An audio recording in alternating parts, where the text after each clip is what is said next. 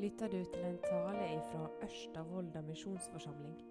Om du vil vite mer om denne forsamlinga, kan du gå inn på øvm.no. Jesus lever ble overskrifta i dag. Så skal vi be litt før vi leser i lag. Ehm, og så skal vi be for de som antageligvis var ute for ei badeulykke. Eh, jeg veit ikke mer enn at de stoppa på vei hitover og ble omringa av utrykningskjøretøy. Folk som hadde det travelt med å springe ned i fjøra. Eh, som kanskje noen som veit mer, men eh, det var så ut til å være hastverk. Kjære Jesus. Nå ber vi for de som har vært ute for ei ulykke, sånn ser det ut for oss iallfall, at du må holde din gode hand eh, over den det gjelder. Og så ber vi for oss som er her, og takker for at vi får komme i lag, synge i lag og høre ditt ord. Og jeg ber om at du må åpne for tankene våre og lære oss noe nå. Amen. Jesus lever, og likevel så skal jeg begynne i første Mosebok, kapittel 39. Jeg forteller hva jeg leser hen, eh, og hvis noen driver og blader i Bibelen, så skal dere få vite det med meg. Men der er iallfall et bilde. Herren til Josef vart brennende harm da han hørte hva kona fortalte. Dette har slaven din gjort mot meg, sa hun. Han tok Josef og sette han i fengselet der fangene til kongen satt i lenker. Han vart setende der i fengselet. Da husker du omtrent hva det var som skjedde, gjør du det? Dette var andre gangen Josef fikk en urettferdig dom. Den første gangen, det var ikke så veldig lenge siden, da var han 17 år gammel, og brødrene hans ønska at han var død. Og ville kvitte seg med henne, og de sto igjen med ei blodig kappe. Han ble solgt faktisk for en slavepris, og han ble slave. Og nå ble han kasta i fangehullet og lagt i lenke av ei falsk anklage.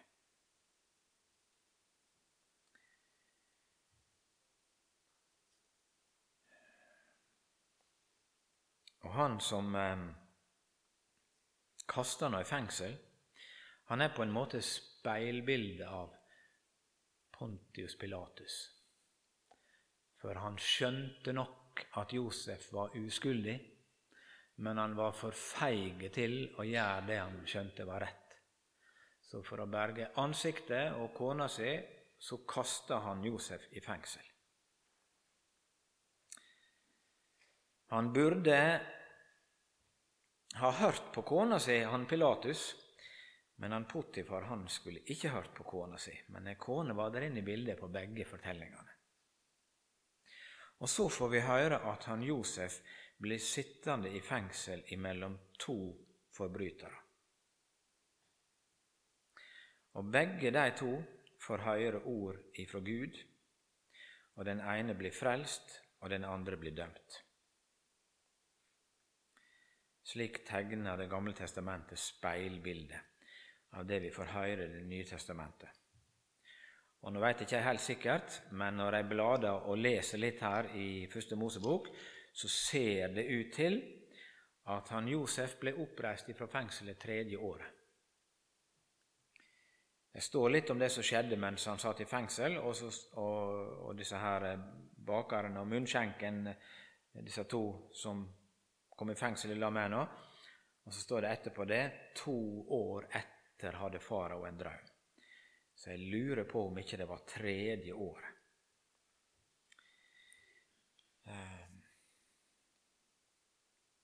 Og Jesus sto opp ifra grava tredje dagen. Og når han da er blitt reist opp ifra fengselet, så blir han sett ved faraos høyre hand og får all makt i Egypt.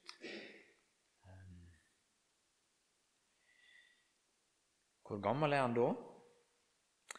Da er han omtrent 30 år gammel. Slik er speilbildet av Jesus. Kapittel 41, vers 40. Der står det om hva posisjonen han nå fikk. Farao sier til Josef, Du skal styre mitt hus, og hele folket mitt skal rette seg etter det du sier. Bare når det gjelder trona, skal jeg være større enn deg. Og farao sa til Josef, Sjå, jeg set deg over hele Egypt. Så tok han signetringen av handa si og sette han på handa til Josef. Han kledde han i linklede og hengde ei gullkjede om halsen på han. Han let Josef kjøre i den nest beste vogna si, og de ropa framfor han, bøy kne. Slik sette farao han over heile Egypt, og han sa til Josef, Eg er farao, men uten løyve fra deg skal ingen løfte hand eller fot i heile Egypt.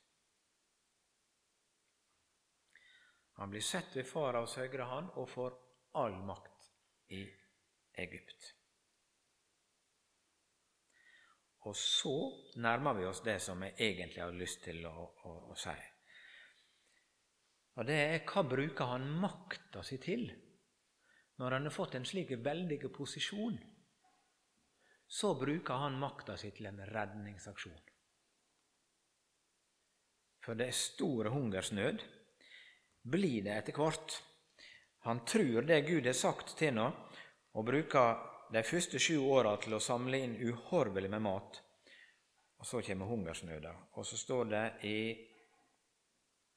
kapittel 41, eh, vers 55 Da heile Egypt leid av svolt, ropa folk til farao etter brød. Han sa til dem, gå til Josef og gjør det han sier til dykk. Det vart hungersnød over heile jorda. Da åpna Josef alle lagera og selde korn til egypterne, for hungersnøda var hard i Egypt. Og heile verda kom til Egypt for å kjøpe korn fra Josef, for hungersnøda var hard over heile jorda. Og det vil sikkert mange smile til, at det kunne mulig være slik at det var hungersnød over hele jorda, og de kunne ikke komme fra hele verden til Egypt for å kjøpe korn. Og Det får de nå diskutere, de som vil. Men det er i alle fall de ordene som er brukt, og de tror ikke jeg er brukt på slump for å fortelle om denne store nøda, om folka og folkeslaga som kom. For det står om Jesus jeg har fått all makt i himmel og på jord. Og hva bruker han makta til? Det er som et speilbilde av denne fortellinga. Gå da og gjør alle folkeslag til læresveiner. Det er akkurat det samme. Det er en, en redningsaksjon. Og Jesus har fått all makt for å bruke all makt til akkurat det. Og for den som bruker tid og krefter til å forsøke å vinne andre for Jesus og be for andre, så må vi vite at all makt i himmel og på jord, er der og støtter og hjelper og ber deg. Det er til disposisjon. Jeg syns dette var en opplevelse å oppdage denne sammenhengen der. Og Det er én ting til med Jesus som lever, og Josef som lever og er stått opp fra fengselet. Det er ikke så lenge siden vi hadde Kristi himmelfartsdag. Og den får ikke vi alltid helt taket på. Han får den opp til himmelen, og så lærer vi det at han setter seg ved Faderens høyre hand. Men hva verdi har det for oss? Da kan vi tenke på Josef. Hva verdi hadde det for brødrene at Josef satt ved faraos høyre hand? Det forandra alt det for dem. Har du lest om hvordan Josef gikk i forbønn for brødrene sine ved farao? Og, og, midt i all hungersnød så fikk de flytte til Gosen, og, og med, med Josefs forbønn og hans makt og beskyttelse, så ble livet deres forvandla og trygt. Slik er det for oss. Jeg har en bror som ved Guds side vet om min sak og ber for meg. Kristi himmelfartsdag er veldig viktig. Og Det er akkurat som vi finner igjen akkurat disse to tinga eh, som Josef gjorde i misjonsbefalinga. Det ene dette med til folkeslaga, de folka som kom. Eh, og så også dette her med hva han betydde for brødrene sine i sin posisjon. For Jesus sier 'Sjå, jeg er med dykk alle dager'. Så Begge de to tingene blir speila i Josef-fortellinga. Og Så står det i Johannesevangeliet kapittel 20 vers 9. Enda hadde de ikke skjøna det Skrifta sier, at han måtte stå opp fra de døde. Hvor står det hen i Det gamle testamentet? At han måtte stå opp fra de døde. Det Skrifta sier, at han måtte stå opp fra de døde. Det står jo ingen plass. Ja, det står akkurat på den måten at det er sånne speilbilder i Det gamle testamentet. Gud har hand om historia, og så forteller den historia oss hva som skal skje. Og Josef-fortellinga er ei sånn så gikk det i oppfylling.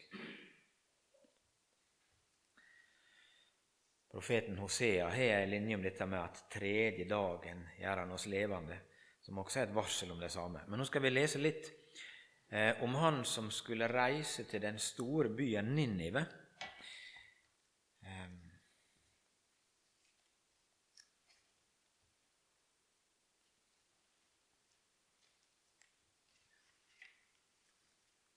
Herrens ord kom til Jona, sønnen til Amittai. Stå opp, gå til storbyen Ninive og rop utover byen at vondskapen deres har stiget opp for mitt andlet. Ja, det var langt å gå, det. Han var ikke helt ulikt den der vandringa som Abraham hadde da Gud ba håne om å gå. Og han reiste langt. Og Nå får i grunnen profeten Jonah et båd ifra Gud om å gjøre det samme. Han Abraham han sa ja, han Jonah han sa nei. Han for i stikk motsatt retning. Ninive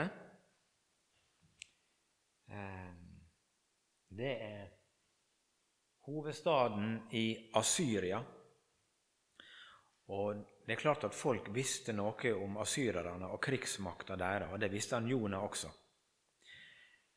De hadde noen, de hadde noen krigsmetoder og noen torturmetoder eh, som ikke går an å snakke høyt om på et møte, fordi at vi kom til å drømme om det i natt. Eh, de var så grusomme og barbariske eh, at når Jonah blir bedt om å gå dit, så vil ikke han. Og det er helt sikkert ikke fordi han er en pyse. Det viser seg senere i fortellinga. Han er ingen pyse, han Jonah. Men han vil bare ikke. For han tenker seg det at hvis jeg skal dit, og så forkynner jeg Guds ord for dem, og så kanskje de da omvender seg, og så blir ikke det straff over dem likevel, det skal ikke bli. Det vil jeg ikke være med på. Nå, Folk flest mener nok at fortellinga om Jonah er et eventyr. Um, ei fortelling som er laga. Jeg tror det er sant. Jeg tror det har skjedd sånn. Og Faktisk så dukka han Jonah opp en annen plass i Bibelen også. Andre kongebok 14 um, 25. Det gikk som Herren Israels Gud hadde sagt gjennom tjeneren sin, Jonah, sønn til Amittai, profeten fra Gat Hefer. Du skal få det med meg etterpå hvis du hadde lyst til å, å, å vite dette der. Um, jeg syns det var litt artig å oppdage at uh, han, han Jonah er nevnt andre plasser, og det er helt klart at han er en historisk person. Og vi har lov å tro at dette her er skjedd. Gud kaller Jonah til å gå til Ninive og forkynne Guds dom, og så får han hin veien. Men Gud hadde omsorg for deg i Ninive. Skulle ikke jeg ha omsorg for storbyen Ninive, står det på slutten av fortellinga. Det syns jeg var nesten som et nytt misjonsord. Skulle ikke jeg ha omsorg for storbyen? Du kan godt eh, stryke storbyen og så si skulle ikke jeg ha omsorg for Volda? Så står det i Jonah-boka. Men så flykter han altså. Og på flukta så blir det storm, og Gud stopper han på den måten. Og jammen ligger han og sover i båten, han Jonah, midt under stormen. Kapittel 1, vers 4. Men Herren kasta en mektig vind nedover havet, og stormen ble så hard at skipet holdt på å bli knust. Sjøfolka ble redde, og hver mann ropa til sin gud. Lasta som var om bord, kasta de på sjøen så skipet skulle letne. Men Jonah hadde gått ned under dekk og lagt seg og lå i djup søvn. Kapteinen kom bort til han og sa, Hva er det med deg, søv du? Stå opp og rop til guden din, kanskje guden vil hukse på oss så vi ikke går under. Det er mangt som er ulikt, men det er mye som er så likt at det er som et speilbilde av en fortelling som vi kjenner fra Nytestamentet. Be til guden din. Skulle de bli berga med bønn? Nei, de ble berga ved at han ga livet sitt. Slik ble de berga. Han svarer, Løft meg opp og kast meg i havet, så skal det halde opp med å rase. For eg veit at det er mi skyld at den sterke stormen har råka dykk. Han Jonah var villige til å bli kasta i havet. Han bar skulda, han måtte dø, og de vart berga. Han bar skulda, han måtte dø, og de ble berga. Han ble kasta rett i det kokende havet, og det var en sikker død. Det kan ikke være tvil om.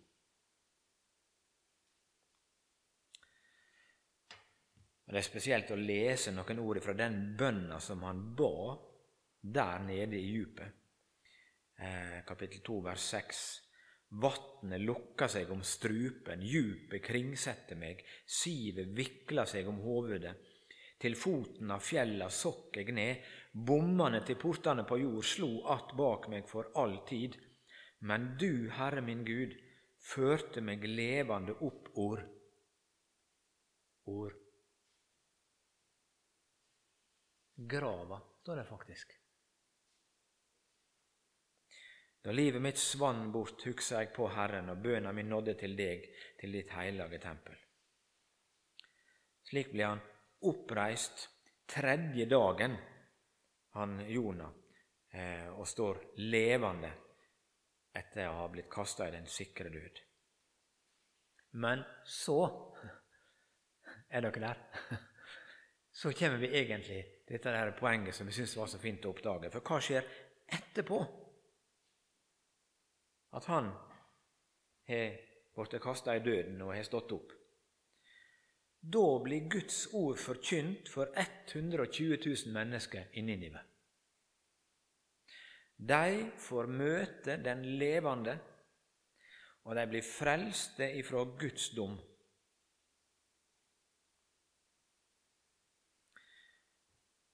Ei bok i Det gamle testamentet som handler helt og holdent om et hedningefolk, og til og med et barbarisk hedningefolk med fryktelige ting de holder på med så får de høre Guds ord. Det var det som skjedde etter hans oppstandelse. Ehm, det Skrifta sier at han måtte stå opp fra de døde.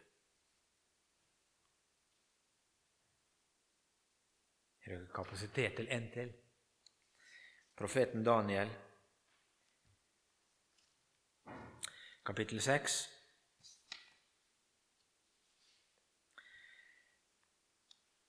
Medaren Dareios tok imot riket, han var da 62 år gammel. Dareios valgte å sette 120 satraper over kongeriket, plasserte rundt i hele riket. Over dem satte han tre eh, ministrer, og Daniel var en av dem. Satrapene skulle gjøre rekneskap for dem, så kongen ikke skulle lide noe tap. Daniel merkte seg ut framfor de andre ministrene og satrapene, for det var en makeløs ånd i han, og kongen tenkte på å sette han over hele riket. Det var nesten det samme som med Josef. Tenkte på å sette han over hele riket. Da blir det misunning. Og hva gjør disse her eh, medministrene hans og trapene, når de blir misunnelige?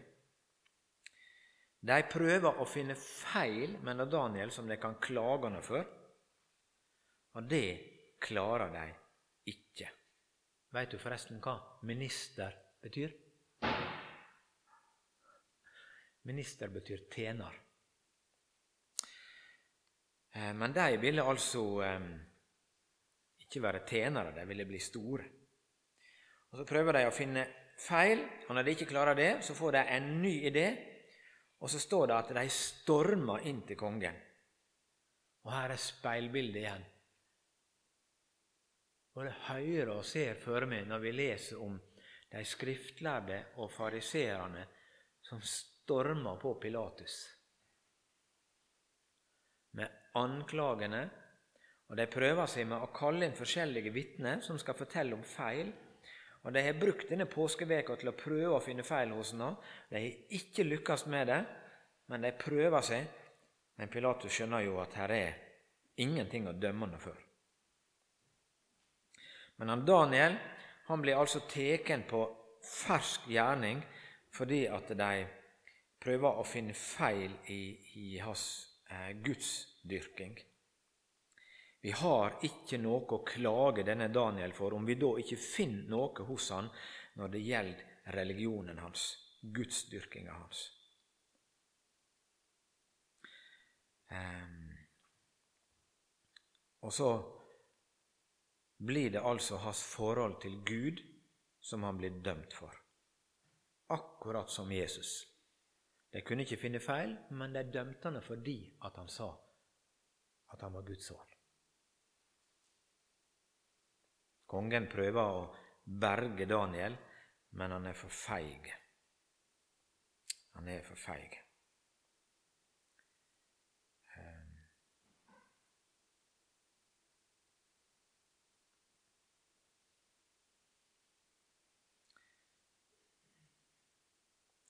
Så baud kongen at de skulle hente Daniel og kaste han i løvehullet. Jeg vet ikke akkurat hvor den løvehullet Jeg fant et maleri. Det måtte nå være dyreplageri å holde disse løvene der. Men eh, antageligvis var de utsvelta.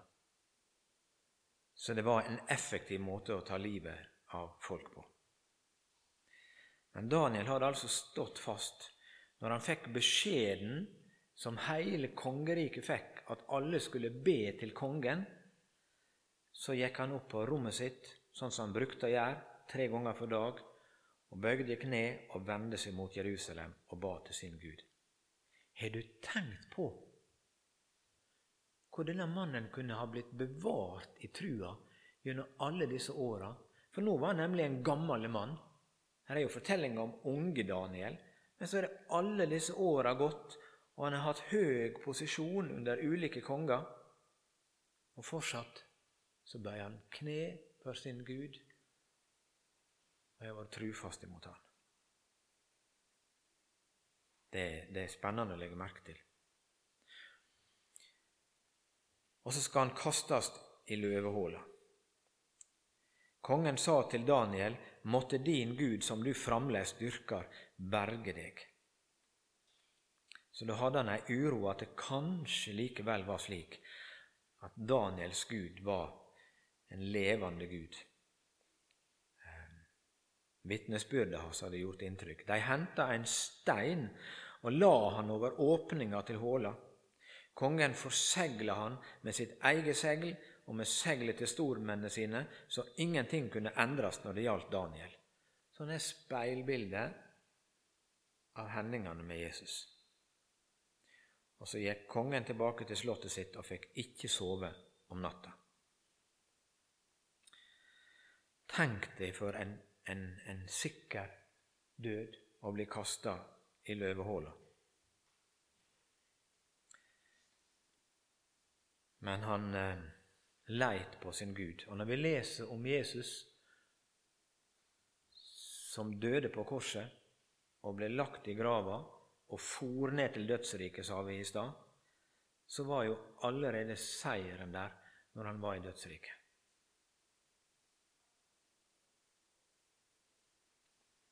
Men så kommer vi til poenget for tredje gang. Hva skjer etter eh, at eh, Daniel blitt kasta i løvehullet og skulle være død? Tidlig om morgenen ved soloppgang sto kongen opp og skunda seg til løvehullet. Da han kom bort til håla, ropa han på Daniel med angst i stemma. Tenk hvor det, ville, hvor det måtte virke på folk som sto rundt. For en tåpelig konge som roper til en som har vært kasta i løvehåla. Det er jo helt sikkert at det er ikke noe igjen på ham. Og likevel er han så urolig for at det kanskje er Daniels Gud som er den levende Gud så har det altså gjort sånn inntrykk, vitnesbyrdet hans, at han sto fast. Daniel, du tjener for den levende Gud, har din Gud som du stadig dyrker, kunne berge deg fra løvene? Da svarer Daniel, lenge leve kongen. Min Gud sende engelen sin og lukka gapet på løvene, så de ikke skadde meg, for jeg er funnet skuldfri for Han. Det var den skuldfrie som måtte dø, mens de andre gikk fri. Men hva skjer etterpå?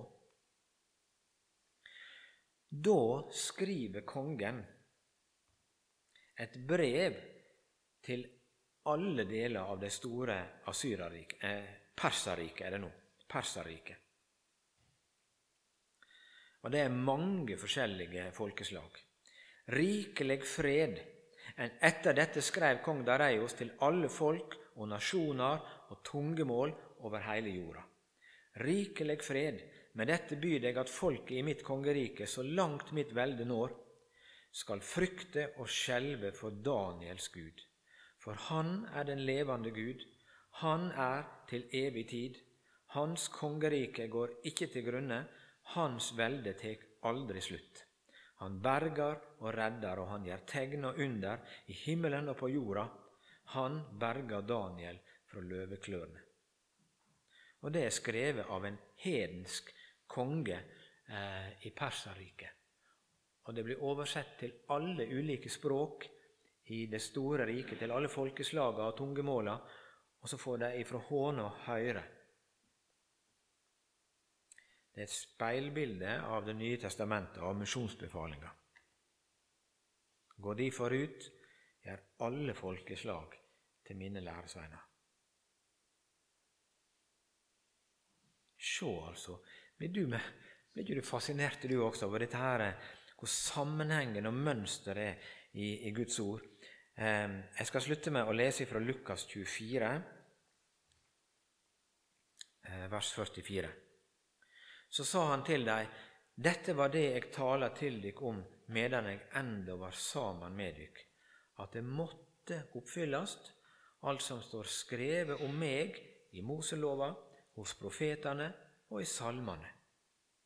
Så åpna han forstanden deres så de kunne skjøne Skriftene, og han sa til dei, slik står det skrevet, Messias skal lide og stå opp fra de døde tredje dagen, og i Hans navn skal omvending og tilgjeving for syndene forkynnes for alle folkeslag.